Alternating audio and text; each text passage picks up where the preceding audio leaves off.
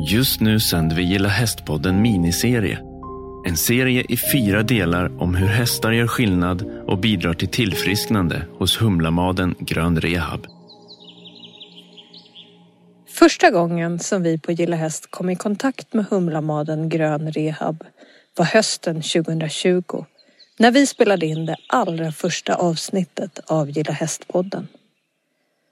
Vi träffade då Liselott Andersson, grundaren av Humlamaden Grön Rehab som i över 30 år har bedrivit friskvård med hjälp av hästar, hundar, skogsbad och ett personalteam som har de kompetenser som krävs. I den här miniserien tar vi er tillbaka till Humlamaden. Vi har träffat patienterna, några av alla de personer som fått den rehabilitering, vård och hjälp som de behövt för att hitta tillbaka till livet. Och ibland till och med överleva. I fjärde avsnittet träffar vi Moa, idag 23 år gammal, som sedan 13 års ålder slussats runt mellan psykiatrins olika behandlingsenheter. I tio års tid har Moa genomgått allt från dagvård till samtalsgrupper till KBT och elchocksbehandlingar för att få bukt med sina ätstörningar och svåra ångest. I den här berättelsen delar Moa med sig av sin långa och svåra resa. Om vägen tillbaka via Lislott och Humlamaden och om hur hästar kan göra skillnad och ge en ung kvinna tillbaka tro, hopp och livslust. Del 4. Jag vill finnas. Jag heter Moa och är 23 år gammal. Och jag är född och uppvuxen i Stockholm med mina föräldrar och tvillingbror. Um, och jag, jag och mamma delade hästintresset tillsammans. Men Moa, hur kom det sig att du hamnade här nere? För vi är ju faktiskt i Skåne, men det kan man inte tro för ingen av oss pratar skånska. Nej. Nej. Nej. Men hur kom det sig att du hamnade här nere? Um, jag ville läsa gymnasiet med häst. Så du ville plugga på Flyinge va? Ja, mm. precis. De har ett program där man läser naturvetenskap men eh, även har liksom häst, så hippologi mm. kallar de det. Um, mycket häst på schemat. Och hur gammal var du när du flyttade ner? 16. 16. Det är väldigt modigt tycker jag. Mm. Att uh, som ja, det... åka från Stockholm hela vägen ner till Skåne och läsa någonting nytt och på var... ny mark så. Mm. Ja, det var jättespännande. Mm. Det var väl lite så här, men vad är det värsta som kan hända? I värsta fall får jag flytta hem igen. Mm. Det blev jättebra. Mm. Det blev det. Så du började när du var 16? Ja, precis. Och hur lång? Och då är utbildningen tre år eller? Ja, mm. så man bor på elevhem och man blir ju väldigt nära sina klasskompisar när man bor tillsammans. Hur skulle du beskriva Flyinge när du ser det framför dig? Jag har ju liksom mina tankar och hur det ser ut och vad som finns där. Men vad var det, första du tänkte på när du kom dit på anläggningen? Men det är ju en häftig I fjärde avsnittet träffar vi Moa. Idag 23 år gammal. Som sedan 13 mm, års ålder slussats runt mellan psykiatrins olika behandlingsenheter. Stora evenemang. I tio års tid har Moa genomgått allt från mm. dagvård, mm. samtalsgrupper och KBT Du var 16 när du kom hit och, eh, och eh, du är 23 allt idag. för att få bukt med sina hur, Hur var den tiden för dig på Flyinge? Blandat. I den här det berättelsen delar Moa med sig av sin långa men, eh, och svåra Jag blev också ganska sjuk. Om vägen och tillbaka mycket skola. Liselott och Humlamaden. Um, och om hur hästar kan göra skillnad. Och ge en ung kvinna tillbaka När du tro, tycker dig sjuk, vad... Um, ätstörning. Jag blev sjuk. Mm. Um, när jag var 13. Och sen... Ja, men det har ju varit bättre och sämre perioder och så. Ehm, och när märkte du att nu behöver jag hjälp eller var det dina föräldrar som fick komma? Alltså hur, hur påbörjades hela den här resan? Det är alltid från du flyttar ner till att du börjar skolan och sen så säger du att du blir sjuk. Vad hände där? När jag var 13 så var det ju, då var det ju mina föräldrar som var på skolan och så liksom folk runt omkring som var väldigt det är en väldigt konstig sjukdom. Man vill ju inte ha hjälp. Så det är ju svårt och det sättet och så. Och det blir ju väldigt bråkigt. Mm. Mycket liksom. Hemma då menar du? Ja. ja eh, det var väl framförallt liksom ridningen som liksom hotades med att försvinna. Mm. Så om det inte... Ja, just det. Att ja. om du inte äter så tar vi bort hästarna. Ja, mm. eh, och så. Det är som du säger, det är ju nästan alltså det är ju en sjukdom som är svår att kontrollera som medmänniska men också för mm, en själv. Verkligen. Ja. Tänker jag att det är ingenting man, det är, det är ju ingenting man riktigt väljer. Den bara angriper ju på något sätt så. Ja, verkligen. Det finns ju... Ja, men det är nog omöjligt att förstå om man liksom inte själv har varit där. Mm. Det är mycket mm. så här, men och då det är väl bara att äta liksom, men det funkar inte riktigt så. Sen när jag var 16 och flyttade ner, egentligen, det var ju värre egentligen tror jag än vad mina föräldrar trodde. Men vad har du fått för hjälp? Vad fick ni för hjälp när, det här, när den här sjukdomen drabbade dig och, och din familj? För det är faktiskt... Um, jo, men vi fick ju hjälp att liksom se till att jag gick upp i vikt och så igen. Och, så när jag då slutade nian och skulle börja gymnasiet så såg det väl ganska stabilt ut mm. egentligen. Um, och det var ju också väldigt viktigt för mig att få flytta till Lund. När kom du i kontakt med Liselott på Humlamaden? Och hur um, kom det sig? Det var ungefär ett och ett halvt år sedan. Mm. Och då jag gick, gick en behandling på psykiatrin i Lund. Och den började väl närma sig sitt slut. Och tanken var att jag skulle börja plugga igen för att jag, jag saknar fortfarande gymnasiekurser. Mm. Som att jag inte kunde vara i skolan så mycket. Och den vändan har jag gjort många gånger. Jag har liksom varit inlagd eller gått behandling och sen är det tillbaka till skolan. Och jag är ganska dålig på att inse när det blir för mycket. men det har varit den vevan om och om igen. Liksom. Och den, den, behandlingen då, till exempel den som du nämnde där i Lund, hur såg den ut? Är det samtalsterapi eller är det? Just precis innan jag kom till Humlamaden så var det dagvård jag gick. Och det är väl ganska, men, man kommer dit om dagarna och sitter där och pysslar, typ. Mm. Mm. Är med i grupper. Det är inte jätte, ger inte jättemycket. Nej. Det är väl lite, alltså slussas ut från inläggningar och så, liksom att man har något mellanläge där.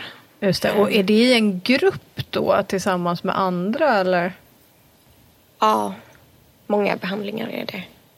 Man tänker om man sitter i en grupp så kan ju det både vara en trygghet men det kan ju också vara väldigt, tänker jag, men precis som så här, väldigt jobbigt att prata om saker och ting fritt om man inte känner sig trygg i det. Mm. Alltså det är bara min reflektion av det hela. Här nere på Humlamaden så, så har man ju olika behandlingsmetoder men framförallt kanske enskilt. Jo men det är också en friskare miljö att vara i. Ja. Psykiatrin kan säkert vara bra på många sätt men det är också det kan nästan kännas som att det sitter i väggarna, den här ångesten. För att har man spenderat så mycket tid där liksom. Jag kan tänka mig det. Liksom, ja. Som du sa, du har gjort så många vänder i det här och, och olika behandlingar. Att kanske bara komma i den miljön, slå på någon slags... Ja, jag tycker det är jätteobehagligt att vara där. Mm. Det är verkligen man, ja men, man kan bli det finns jättebra personal men man kan också bli ganska dåligt bemött. Mm. Och jag tänker också på det du sa, miljön. Uh, nu sitter vi här på Humlamaden i en ligghall som mm. är omgjord med gungor och halm och vi har två hästar som vi ser bara några meter bort. Vi hade en katt som strök runt här, vi har fågelsång och en otroligt vacker natur. Yeah. Jag bara tänker, behandlingsmiljön eh, i den här typen av behandlingar hos psykiatrin som du pratar om, hur såg den miljön ut? Alltså det är sjukhusmiljö. Mm. Alla avdelningar ser likadana ut. Ja, nej det, det blir väldigt tydligt att man är sjuk när man är där. Bra, bra uttryckt tycker jag, för så kan jag också känna Alltså om man kommer till sjukhus i största allmänhet. Alltså mm. så, det, det, behöver inte vara psykiatrin men man blir ju direkt påmind om att oj, nu är vi på en plats där människor är väldigt sjuka. Ja, ja och det, är, det kan vara svårt när det, det, blir liksom det enda man är. Om man inte klarar av att vara i skolan eller på jobb eller vad det nu är. Så liksom, ja. Man är sjuk, man är, man är inget annat. Mm. Vad var skillnaden att komma hit för dig? Hade du, kände du Liselott sen innan eller hur? Nej, det var jag skulle liksom, ja, men, slussas ut från den senaste behandlingen och börja plugga. Och så var det en kurator där som sa så här, men humlamaden finns. Det kanske är något för dig eftersom att jag har liksom hästintresset och så. Jag var väl ganska skeptisk. Det är lite så här, men ytterligare en behandling liksom. Och, ja, det är men, 24 veckor liksom. Jag menar, när ska jag bli klar med skolan?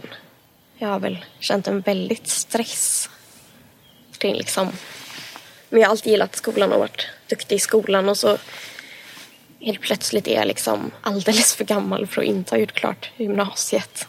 Mm. Men eh, och så föreslog de att vi skulle åka ut hit.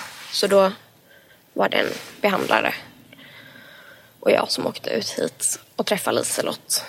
Och ja, men det kan ni nu också tycka, det är ett väldigt speciellt ställe att komma till.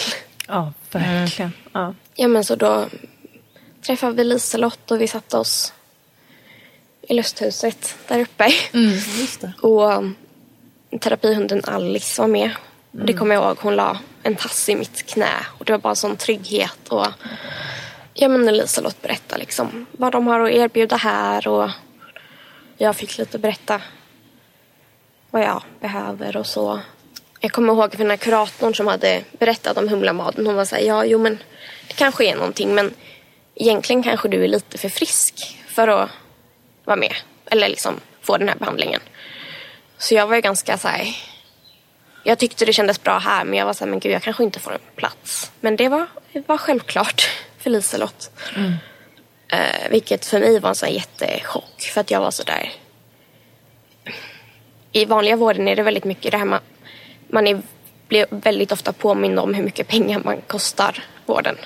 Mm. Eh, och det här liksom, speciellt inom ätstörningsvården så är det verkligen, man måste vara 100% motiverad. Man måste hålla alla mål för annars, men det är jättemånga som behöver hjälp och man kan liksom inte ta upp en plats om man inte är tillräckligt motiverad.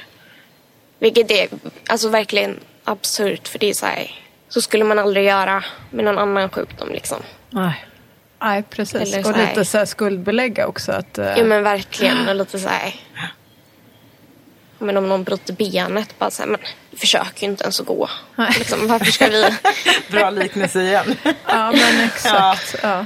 ja. men det är helt rätt. Och man tänker nog inte på det. Alltså, men det är precis som du säger, att med, med vilken annan sjukdom som helst skulle man inte hålla på att ifrågasätta. Har du verkligen brutit benet? Ja. ja. Har du tillräckligt ont? Ja, precis. Ja, men inte, kanske inte riktigt så, men jag vet, jag menar, alla jag känner som har varit behandlats för en ätstörning, det är ju det här liksom, allt det här hotet om att ja, men du får klara dig utan vård för att det spelar liksom ingen roll. Jag blir lika chockerad varje gång man kan se människor som är så extremt sjuka och de är så ja men vi kan inte göra något, du vill inte. Vilket blir jättefel för att är man sjuk i en ätstörning så är det inte så att man vill. Mm. Vad var skillnaden här i själva ja, både bemötandet, nu har vi pratat lite om miljön och bemötandet, men hur när du väl kom hit och, och påbörjade den här eh, Humlamaden-behandlingen, hur gick det till? Det var, jag kom hit tre förmiddagar i veckan. Det var, man var åtta stycken i en grupp. Så vi träffades på morgonen och det var extremt kravlöst. Det var verkligen, vi behövde inte ens prata. Det var liksom, vi behövde inte presentera oss, vi behövde inte lära varandras namn för att det var liksom tillräckligt att vi kom hit. Vilket är jätteviktigt. Att det verkligen är så kravlöst. Ja, men som du nämnde där innan också att mm, man är högpresterande nog i hela sitt liv och det är lite så samhället också är uppbyggt. Ja. Att man ska prestera och man ska göra det och så liksom här får man bara, det låter ju lite flummigt, bara vara. Sådär. Men det är ju precis det, att bara få vara här och nu på något sätt. Ja, men vi pratade ju eh, i våra tidigare avsnitt av den här miniserien så har vi också hört eh, eh, det var en så skön kommentar. En av de här eh, männen som genomgick programmet som sa att han kom då från eh, näringslivet och hade förberett sig på ungefär att han skulle hålla en eh, 20-sidig powerpoint om sig själv och hade stressat upp sig. Liksom, hur ska det här bli nu första dagen här på Humlamaden? Och så hade man inte ens behövt presentera sig. Och han sa också det att det var så otrolig lättnad att bara få liksom, ja, bara få vara och inga förväntningar på någonting egentligen. Det är väldigt ovanligt i vården. Ja. De flesta som blir sjuka är högpresterande. Och i vården, det, det de här, man, man ska vara med på alla grupper och man ska sitta där. Även fast man tycker det är jättejobbigt. Man förväntas liksom eh, genomlida känns fel, men liksom de här, eh, här mindfulness och alla de här olika grupperna de har. Man ska vara med vare sig man tycker att det ger någonting eller inte. Eller, Det spelar liksom ingen roll om det ger mycket ångest. Man, man ska vara med. Och här var det så här. Liselott var jättetydlig med att så, här, så fort någonting känns jobbigt så, så slutar vi. Man behöver inte vara med på saker man tycker är jobbiga. Man behöver inte... Man ska bara vara snäll mot sig själv. Jag tänker på även där, förlåt jag avbröt dig nu men just det här med närvaro kan ju vara så olika. Att där blir så här närvaro så sätter man lite bock. Nu är du närvarande fast man är inte närvarande för att man, alltså, är du med hur jag Ja. tänker? Ja. Mentalt. Ja. men exakt, att närvaro är ju en helt annan grej. Men när man är här så är man ju närvarande. Man hör fåglarna, man tittar hästarna, ger en liten viftning på svansen. Man är mycket, mycket mera ja, men i nuet så. Att just där, att det blir en annan grej. Ja, och liksom att när jag gick i behandling för en ätstörning så... Men det är ganska så här fullspäckat schema. Det är alla de här olika terapiformerna. Fixar man inte att vara med, då, då åker man ut. Det spelar liksom ingen roll hur mycket hjälp man behöver. Om man inte om man inte fixar att sitta inne på det där rummet och måla eller vad sjutton man nu ska göra den terapitimmen så då kan någon annan få den platsen. Och jag förstår att, jag förstår verkligen att det är brist. Men det är svårt att, vi är alla medvetna om att vi kostar mycket pengar. Alltså, det blir, det blir så jättejobbigt när man är så medveten om att man faktiskt tar upp en plats som någon annan kanske behöver. Ja. Nej, det är ju ingen, mm, liksom, det bidrar ju inte till att bli frisk kanske. Nej, att få den inte. påminnelsen hela tiden. Nej. Eh, men du sa det, du har egentligen från du var 13 år eh, gått i olika typer av behandlingar och, och, och kämpat med det här och hamnade, kom hit till Humlamaden för ett och ett halvt år sedan så då var du ungefär 21, stämmer det? Ja. någonting. Eh, och nu har du varit här i ett och ett halvt år. Mm. Kan du berätta lite mer om just liksom hur... Du, du gick det här programmet först. Och hur långt var det och vad ingick i det så att säga? Liksom, Ehm, det är två faser. Så första fasen är 12 veckor och andra fasen är 12 veckor. Och första fasen är väldigt lugn. Väldigt, väldigt lugn. Och det är även då man har med um, terapihästarna. Man har eh, skogsturer med hästarna och avslappning på häst. just Också. rider man eller går man bredvid? Nej, Nej. verkligen inte rida. Nej. Eh, utan åka, åka häst. Åka häst, Vilket ja. var jättekonstigt för mig. Ja, jag som har hållit på med hästar. Att liksom... Ja, men, jag kommer ihåg någon gång jag, när vi hade suttit av och så drog jag upp ena stigbygeln och Moa, du ska inte, du ska inte göra någonting. Du, låt, låt någon annan göra det. Ja. Hon bara, men okej, ja. Jag, jag ska bara... Det var mycket men, lugna promenader och... Jag vet, vi har pratat mycket om det. De andra som också bara har gått. All, alla blir ganska stressade. Va- Varför ska vi gå så långsamt? Ja, just Verkligen en annan typ av behandling. Det, Hur lång tid tog det för dig? För du sa det, de flesta som, som hamnar här, och det har ju vi också hört i våra tidigare intervjuer, det är ju just högpresterande människor som är, är vana att leva i ett ganska högt tempo, eh, att hela tiden ja, prestera. Hur lång tid tog det för dig att liksom komma ner i det här lugn och ro-systemet? oj, jag vet inte. Alltså, men det tog, tog ett bra tag. Ja. Och tror du att det var viktigt att ha de där första lugna tolv veckorna? Verkligen jätteviktigt. Och det var, det var lite nervöst när vi gick över i fas två. Bara, Oj, nu ska vi göra saker. Eh, men det var en väldigt lugn övergång. Det var, I fas två får man mer hjälpa till och ja, men, mocka och fixa saker runt.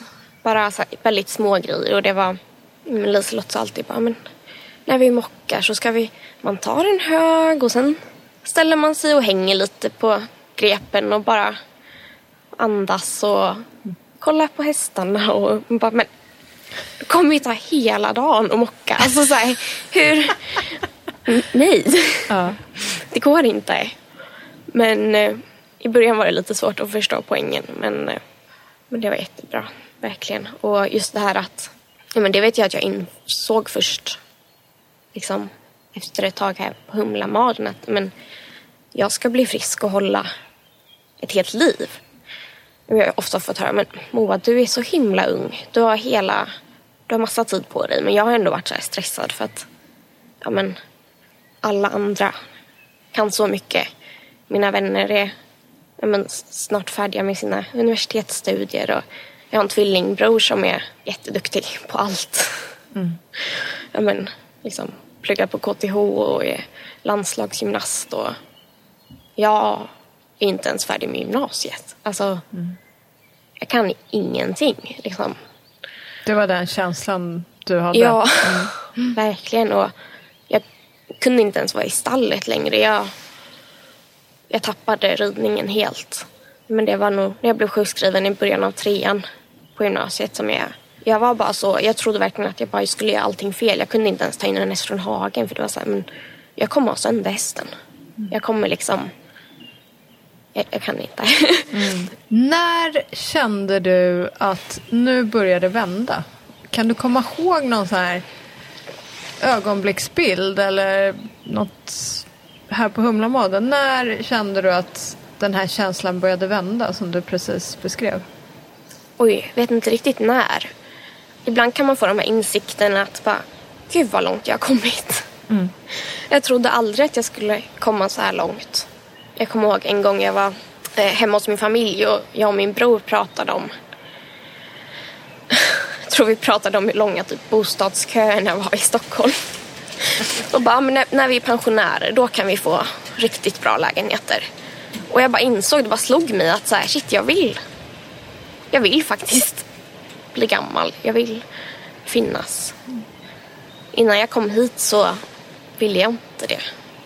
I psykiatrin har man väldigt bråttom tillbaks ut i livet. Det är, ja men så fort man inte är typ jättesjälvmordsbenägen så då kan man vara tillbaks i skolan eller så fort man liksom inte behöver den här konstanta vården då, då kan man vara tillbaks i skolan men det blir ju väldigt kortsiktigt.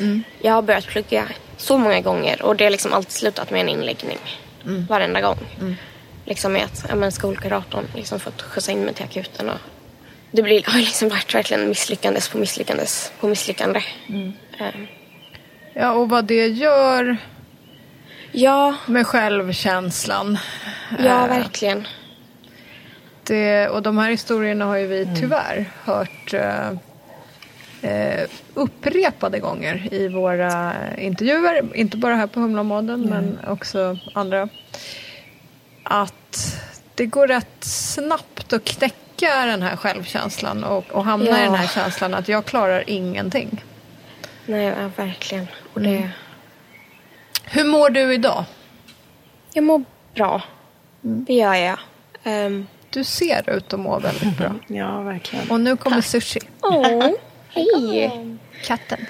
Nej, men jag mår bättre än vad jag trodde att jag någonsin skulle må faktiskt. Det är klart att, att det finns sämre dagar, såklart. Och, och jag kan också märka att ja, men, de här gamla tanke, tankarna kan ju liksom finnas kvar och, och spöka, såklart. Men jag mår bra. Det gör jag. Var befinner du dig just nu? Om man säger du, du genomgick det här programmet. Vad hände Ja. sen? Jag fick faktiskt... Eh, först är det fas 1 och fas 2 och så går man över i fas 3 vilket är ganska självständigt. Och eh, då var tanken att jag skulle börja plugga för att också det här med att jag behöver en inkomst. Det är väldigt svårt men jag kunde inte få någon sjukpenning. Jag har inte jobbat. Jag, jag levde på sparpengar i liksom ett och ett halvt år. De pengarna jag hade liksom sparat hela mitt liv för att typ, ja men, kunna köpa lägenhet eller så. Det är jättesvårt med Försäkringskassan och allt. Och nu kom Åh, Sushi. Sushi hoppade Oj, upp i Moas knä och satte Ja. svansen i micken. Men jag tror det går ändå. Ja, det går bra. Klart han ska vara med. Klart han ska vara med. Ja, men det är jättesvårt och det tror jag alla som någon gång har varit i kontakt med Försäkringskassan och allt. Man måste verkligen vara frisk för att ha kontakt med dem. Det går, det går inte. Så, eh, så jag sökte eh, folkhögskola och ja, men Liselott hjälpte mig med det och så. Och jag blev, ja, men bara den månaden där när vi höll på att söka och fixa så blev jag ganska dålig. Jag bara rasade i vikt. Och, alltså det är ju liksom ett sätt att hantera stress. Att man börjar liksom hålla koll på maten och så istället. Och mm blev jättejobbigt med, med träning. Och, alltså det går så fort även om man tycker att man är frisk så eller inte har de problemen längre så det kan vända på en sekund liksom. Man bara, nej men jag mår ju bra men jag, jag skulle behöva gå ner lite i vikt. Typ. Ja, men för och sen så liksom, Hitta någon slags kontroll då kan jag tänka ja, mig. det är inte, klart det aldrig är meningen, det är väl fel att säga så men Mm. det är läskigt hur fort det kan gå. Och då pratade jag och Liselott och bara, så här, men det, det är nog för tidigt. Det beslutet var jättejobbigt att ta för att men jag har känt mig så himla stressad. Men det har känts som ett sånt misslyckande. Liksom. Men eh, då föreslog Liselott att men du kan ju börja jobba här. Så det fick jag göra. Det var via Perfekt. Arbetsförmedlingen då. Som jag fick börja jobba här. Hjälpa till med hästarna. Och det gav mig jättemycket. Verkligen att Och nu har du ju vänt ett misslyckande till ett jättebra lyckande för dig själv framförallt och även för hästarna Liselott. och Liselott. Jag menar, det är ju en, en superstor grej. Och kunna hjälpa andra kanske också som kommer hit. För då träffar väl du en hel del av dem som... Ja, det har varit... Alltså, jag blir så imponerad över alla som är här. Man ser så... Inklusive dig själv. Ja, ja. Tack så mycket. Jo, Jag vet inte vad det är än, men... eh, ehm, så häftigt att se alla när de kommer hit och när tiden går, liksom hur... Man kan verkligen se hur folk mår bättre. Ja. Liksom, och, Jo, men jag tänkte på det, vi träffade ju de vi intervjuade sist här idag. För nu har det gått ett par veckor Ja. sedan vi var sist. Och jag tänkte så här, är det samma person? Alltså de bara strålade. Ja. Eh, och kasta sig om oss liksom. Ja. Ja. Hej! ja men verkligen. ja, Superkul. ehm, jag från att man liksom kom hit första veckorna och inte ens... Jag tror inte jag pratade första veckorna ens. Utan det var bara liksom... Och där är det också en väldigt stor skillnad liksom i... Ja, men, om man jämför i psykiatrin. Liksom, jag, ja, men jag har haft ganska svårt för att prata med vårdpersonal.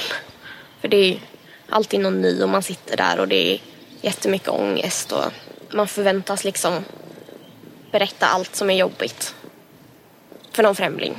Ja. Som liksom... Och man kan känna sig väldigt... Eller jag, jag har alltid känt mig väldigt överkörd i vården. Allt väldigt det har alltid varit så här, men vi vet bäst. Du, du är så ung. Som, men om du inte ens vill prata eller kan, alltså så här, vad ska vi då göra? Det, vi kan inte göra något. Nej. Så och det handlar inte om liksom att man inte vill prata utan ibland kan man faktiskt inte. Ja, det bara låser sig. Ja men verkligen. Det är liksom hundratals gånger man har suttit där inne och liksom, alltså haft så mycket ångest att man bara skakar hela kroppen och det går inte att det går inte att prata. Det låser sig verkligen och man blir satt på massa mediciner och det, Tar du mediciner idag? Får jag fråga det? ja det gör jag. Tog väldigt lång tid att hitta rätt balans liksom på det gör det nog för alla liksom hitta rätt mediciner som funkar så Varför tror du... Varför finns det inte fler Humlamåden, tror du? Behövs det? Ja, det behövs. Men jag tror att det inte finns för att det är svårt. Det är jättesvårt att få pengar och ja, men det krävs en människa som Liselott för att driva det här. Det finns nog många som skulle vilja kunna jobba som Liselott men det, det finns liksom inte plats för det just nu. Rent ekonomiskt och det blir också så larvigt. Det, eller larvigt men fel. Så många läkare jag har träffat som har liksom tycker att Humlamaden är helt fantastisk och vill kunna remittera folk hit men, men det är ingen som vill betala för det.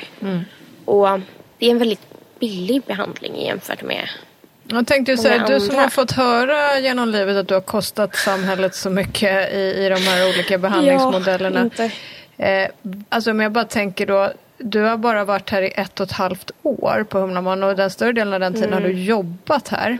Ja, Så att din behandling här var inte mer än ja, 12 veckor någonting sa du? Ja, Ja, lite dubbelt mer. Men, men jag bara tänker jämförelsevis med Ja. alla behandlingar som du har genomgått tidigare. Ja, men det vad är- tänker du kring det? Det känns väl sorgligt att... Alltså tänk om jag hade kunnat få den här hjälpen tidigare. Det kan vara ganska traumatiskt att få vård i psykiatrin. Det känns fel att säga traumatiskt. Jag har inte själv något trauma men jag vet människor som själva har liksom PTSD och också alltså vården är hemsk. Det är fruktansvärt. Och att liksom inlåst på psyk och inte ha någonting att säga till om. Man är fortfarande ett barn i den åldern tänker jag också. Så här, att man är väldigt, alltså man har inte så mycket hud som vi får när man blir äldre. Att man orkar stå emot eller man kan liksom. Men även i, alltså, sen jag fyllt 18, man, man har liksom inget, man sitter där med någon överläkare och vårdpersonal och man har liksom ingenting att säga till om utan några år sedan då, nu har vi ju testat liksom. Det har man också hört många gånger. Vi har liksom testat allt. Det, vad ska vi göra nu? Vad, vad, vad vill du? Vad behöver du? Och det är så här, men jag vet inte. Jag vet inte vad jag behöver. Eh, vad jag vill? Nej, jag vill inte vara här. Men Vi brukar alltid fråga alla våra gäster så här, om du fick skicka ett meddelande om vi säger om jag eller Malin var en eh, beslutsfattare inom vården. Vad skulle du vilja säga? oj, mycket. men man måste börja tänka långsiktigt också. Man ska inte... Så många som är här har varit sjuka i alldeles för många år. Så många år. Och det har varit liksom... Jag menar, det måste ju också kosta samhället jättemycket att ha folk sjukskrivna. Jag menar, en sån här form av behandling borde komma före så mycket annat. Eh, jag menar inte att det kan vara den enda vården kanske utan också just det här, det vet jag många läkare har sagt till mig, bara, men det är så himla bra för det finns inga biverkningar. Alltså, det hjälper så otroligt många och skulle det komma en, en deltagare hit som det inte hjälper, nej men vad är det, alltså, det är fortfarande inga biverkningar, inga det finns liksom inte någon dålig sida på det om man jämför med många andra behandlingar som, ja men, för några år sedan fick jag ECT-behandling, det är elchocksterapi. Ganska vanligt mot depression. Wow. Man får eh, ja, det är olika. Vissa får ja, men, tio behandlingar upp till. Man kan få väldigt många. Det, är, låter kanske jättekonstigt. Man, eh, eh, man sövs ner och får eh, ja, elchockar. Alltså de spänner fast, sätter saker på huvudet och chockar systemet som man liksom Ja, krampar. det låter och... faktiskt jättekonstigt. Det, det låter nästan, alltså, det låter som någonting från 1300 medeltid. kallt Ja, men, liksom. Ja, men det låter verkligen. jättesjukt. Jag vet att det finns många människor som det har hjälpt ur depressioner och så, men för mig var det ganska, var väldigt obehagligt. Oj, vad rädd jag blev. Nu kom det några hästar här i bakgrunden också. Åh, nu gick Sushi. Sushi Ja, blev Sushi också blev rädd. också Jag blir rädd. jätterädd. Ja. Nej, men jag kommer ihåg liksom efter typ tre behandlingar att jag, jag ville avbryta för det, jag tyckte det var jättejobbigt. Men man har liksom inte så mycket att säga till om. Det är så här, men jag tycker det här är jobbigt. Det är så här, ja, nej, men vi har fakta på att det här funkar så nu. Lika gärna, vi kan lika gärna köra klart liksom alla behandlingar. Och det är ju verkligen en behandling som ger mycket, mycket biverkningar. Man är, när man vaknar upp så mår man... De säger att det är som att vara bakfull. Eh, Jag dricker inte, jag har aldrig, aldrig varit bakfull men ja, men det har vi. ja. Eh, man, man mår väldigt dåligt. Och eh, också ja, men hela den här perioden.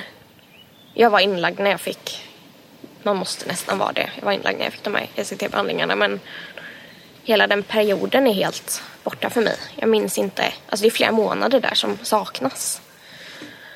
Jag fick under jul, över, ja, i den här jultiden fick jag liksom, jag minns verkligen inte.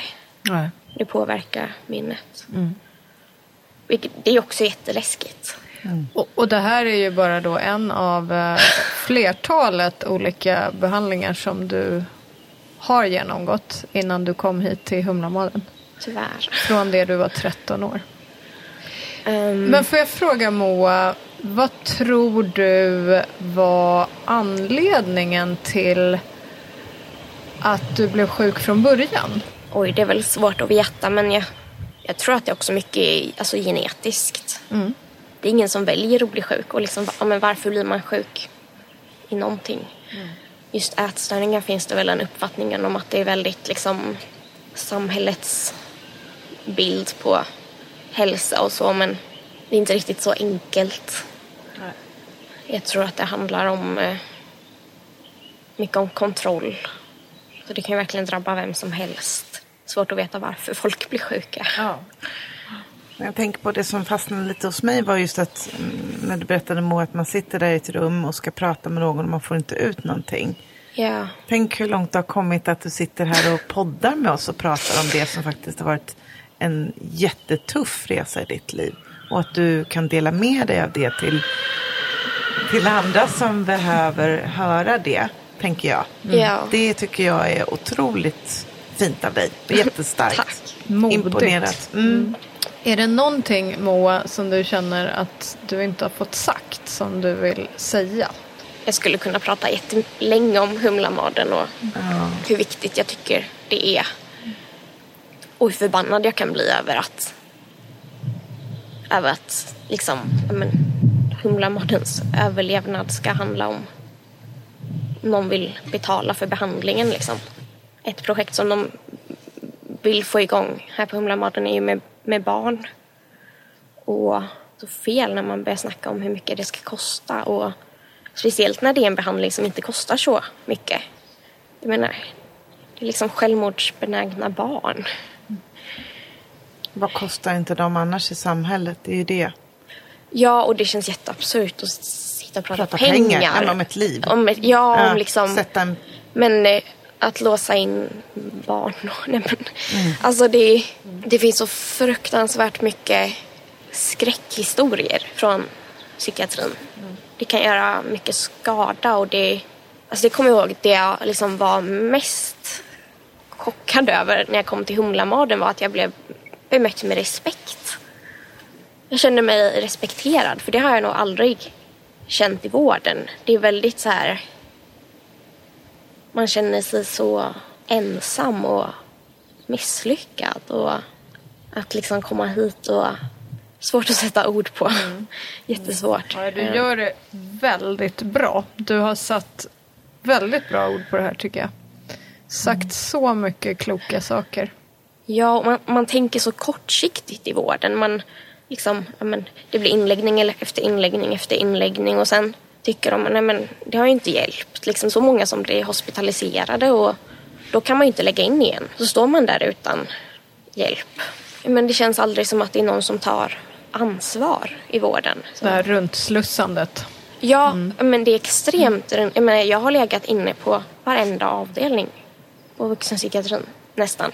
Mm. Det är typ nio avdelningar. Jag menar, det är, alltså att komma och vara sjuk och liksom bli inlagd på en psykosmottagning när man inte har en psykos eller liksom drog... Alltså så här, när man inte har den problematiken och vara inlagd för att det inte finns plats någon annanstans. Det finns mycket bra vårdpersonal och psykiatrin gör mycket bra saker också men eh, så många gånger man har blivit så dåligt bemött. Jag kommer ihåg en gång jag skolkuratorn körde in mig till psykakuten och de var såhär, nej men vi vet inte vad vi kan göra. Det, inläggningarna har ju inte hjälpt så det är ingen idé att vi lägger in dig. Och sen, så då blev jag hemskickad och ja, men några timmar senare vaknade jag upp i en ambulans.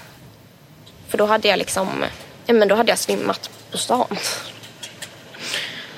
Ja, det är bara så ledsamt att höra det. För det är, som en, det är tyvärr så här det ser ut. Mm. Men också just att så jäkla skönt att se dig idag. Mm. I den unga kvinnan du är och liksom trivs med livet av hopp och längtan att få bli gammal. Det tycker jag ändå är, ringar in hela samtalet också. Att det finns mm. hjälp att få mm. på Humlamaden. Ja. Och att vi hoppas att vi kan få fler att fatta galoppen. Att eh, ja. uh, den här typen av vård gör, gör skillnad. Och att det är bra hjälp. Hur många gånger liksom folk bara, men varför ber du inte om hjälp? Varför söker du inte hjälp? Det är som en, den hjälpen som finns hjälper inte. Och man har liksom varit mycket i psykiatrin och bara så men det, det hjälper inte. Nej. Utan så absurt att något så enkelt som att komma ut till himlamaden kan läka så otroligt mycket. Och det har du varit eh, fantastiskt duktig på att berätta eh, och dela med dig av din historia. Tack snälla för att ja, du ville komma till vår podd. Gilla Hästpodden ryms i satsningen med samma namn som drivs av hästnäringens nationella stiftelse, HNS. Läs mer på gillahäst.se och följ oss gärna i sociala kanaler.